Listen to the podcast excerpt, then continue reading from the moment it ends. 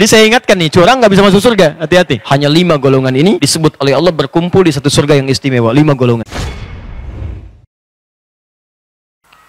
As-sabirina, was-sadiqina, wal-qanitina, wal-munfiqina, wal-mustaghfirina bil ashar.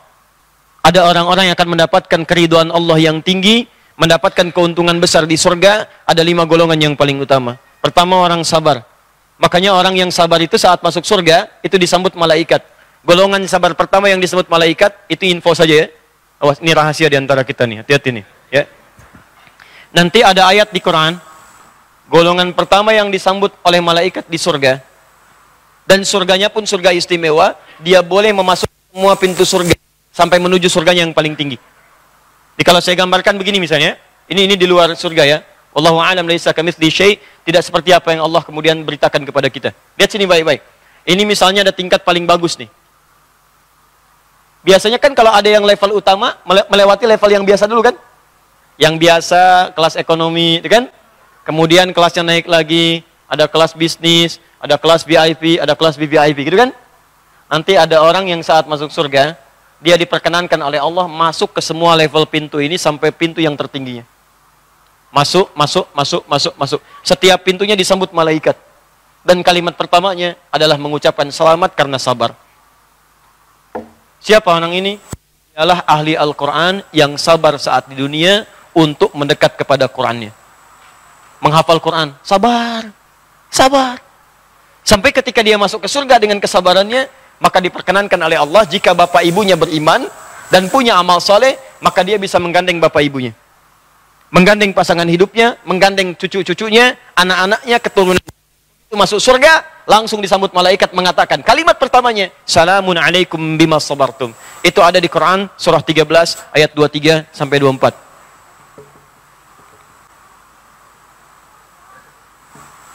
Dari mana ini taunya ahli Quran? Ditafsir di Quran surah 35 ayat 32 sampai 33, paling kiri sebelah atas. Dengan kalimat yang sama di ayat 33-nya. Ya, Quran surah 13, 23 sampai dengan 24. Ya jannatu adnin yadkhulunaha wa man salaha min abaihim wa azwajihim wa dhurriyyatihim wal malaikatu yadkhuluna alaihim min kulli babin salamun alaikum bima sabartum fa ni'ma uqbad Kata Allah ada orang-orang yang masuk ke surga Aden. Dia masuk dengan menggandeng bapaknya yang soleh, ibunya yang soleh. Jadi saat di dunia ini, bapak ibunya tuh mengarahkan, nak, ayo belajar Quran ya, baca Quran ya, hafal Quran. Bapak ibunya belum tentu hafal Quran. Cuman dia investasi di anaknya. Jadi ada orang tua yang investasi anaknya untuk dunia, anaknya terus, ayo, bapak nggak apa-apa petani, yang penting kamu nanti berdasi di kemudian hari. Bapak petani desa, kamu nanti jadi bos berdasi. Didorong terus, semua keringatnya diarahkan untuk dunia. Ada yang jadi direktur, ada yang jadi pilot, ada yang jadi arsitek, macam-macam sukses dunia. Cuman sayang nggak punya bekal akhirat. Standar. Ada orang yang investasinya akhirat. Nah, Bapak mungkin kesulitan hafal Quran sampai sekarang. Ya, sampai sekarang baru satu juz, satu juz, satu juz ya. Dan dia investasikan anaknya. Aku boleh mendapatkan juz 30, tapi anakku harus kutukar dengan 30 juz. Maka dia bertani, ngumpulin kelapa kadang-kadang. Uangnya dikumpulkan sedikit-sedikit buat biaya anaknya masuk pesantren tahfidz Quran. Dikirimin tuh. Masukin, masukin, masukin. Ayahnya tiap hari datang berangkat, datang berangkat, peluh keringat ibunya demikian. Tiba-tiba satu saat ditelepon oleh gurunya. Pas ditelepon, teleponnya ke tetangga karena bapaknya nggak punya. Tolong sampaikan pada Pak Pulan menerima di ujung sana. Pak, selamat anak Bapak sekarang sudah hafal 30 juz itu seakan-akan dunia itu seakan-akan gak ada nilainya. Jatuh tersungkur, sujud di hadapan Allah mengalir air matanya. Begitu mengalir air mata tiba-tiba, terima kasih Allah, terima kasih, alhamdulillah, alhamdulillah, meninggal dunia.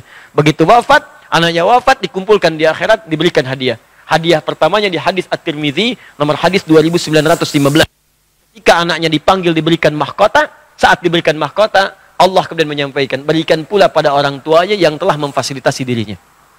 Maka dipakaikanlah mahkotanya langsung oleh anaknya. Makanya saya sering katakan ya, Anda yang merasa hebat dengan keluarganya, mungkin di luar sana ada orang-orang yang jadi ahli akhirat yang akan menjadi tontonan kita di kemudian hari. Maka siapkan karena perlombaannya semakin ketat sekarang.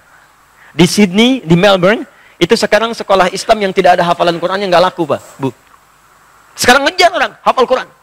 Kejar. Bukan 30 juz ya, tapi yang dilihat kesungguhan hafalnya. Karena di Quran itu disebutnya, maaf ya, disebutnya bukan hafal 30 juz. Disebutnya kesungguhannya dalam menghafal. Di saking pengennya hafal, kadang-kadang yang Allah berikan bukan 30 juz ya. Yang diberikan tuh pahalanya.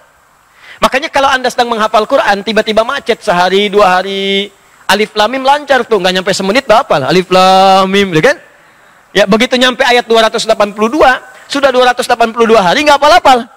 Ya misal, baca lagi, baca lagi. Kadang-kadang yang diberikan jumlah ayatnya. Tapi Allah ingin melipat gandakan pahalanya untuk menutupi dosa-dosa anda yang berlimbang sebelumnya. Bukankah satu hurufnya sepuluh kebaikan? Mungkin kata Allah begini, kamu fulan. Fulan yang lain saya mudahkan menghafal Quran. Karena dosanya udah sedikit. Amalannya banyak. Mudah bagi dia menghafal untuk meningkatkan derajatnya di surga. Kamu kemarin ke mana aja? Dia 14 tahun hafal Quran. Kamu saya kasih 40 tahun baca aja belum bagus.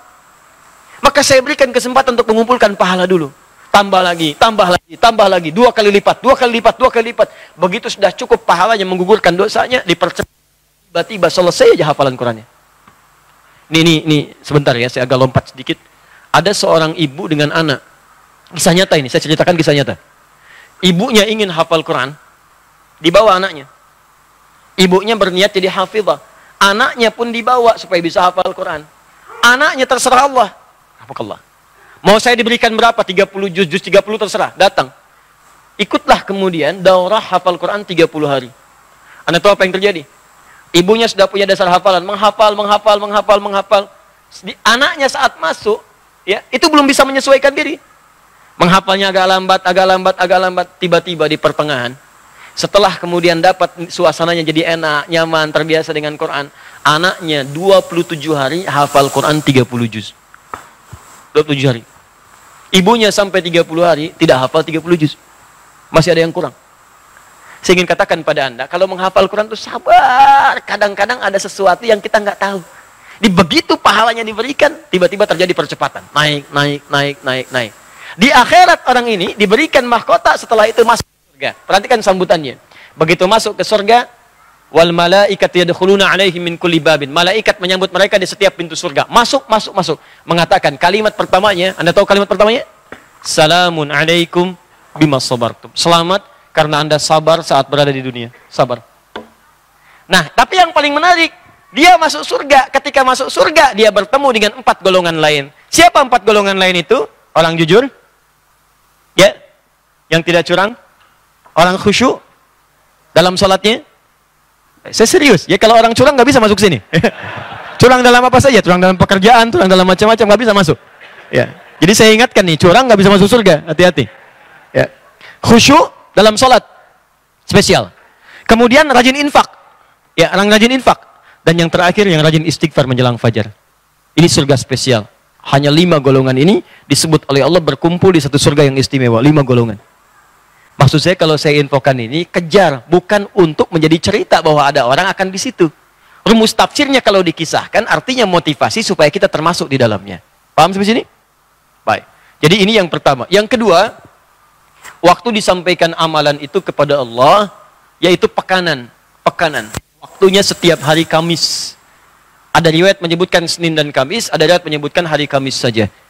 Dalilnya berdasarkan hadis Nabi sallallahu alaihi wasallam ketika Nabi berpuasa di hari Kamis ditanya oleh seorang sahabat, "Kenapa Anda berpuasa di hari itu?" Kata Nabi, "Hadza al-yaum yauma yurfa'ul amal." Bima makna? Hari ini hari saat amalan disampaikan kepada Allah. Wa uhibbu an yurfa' amali wa ana shaim.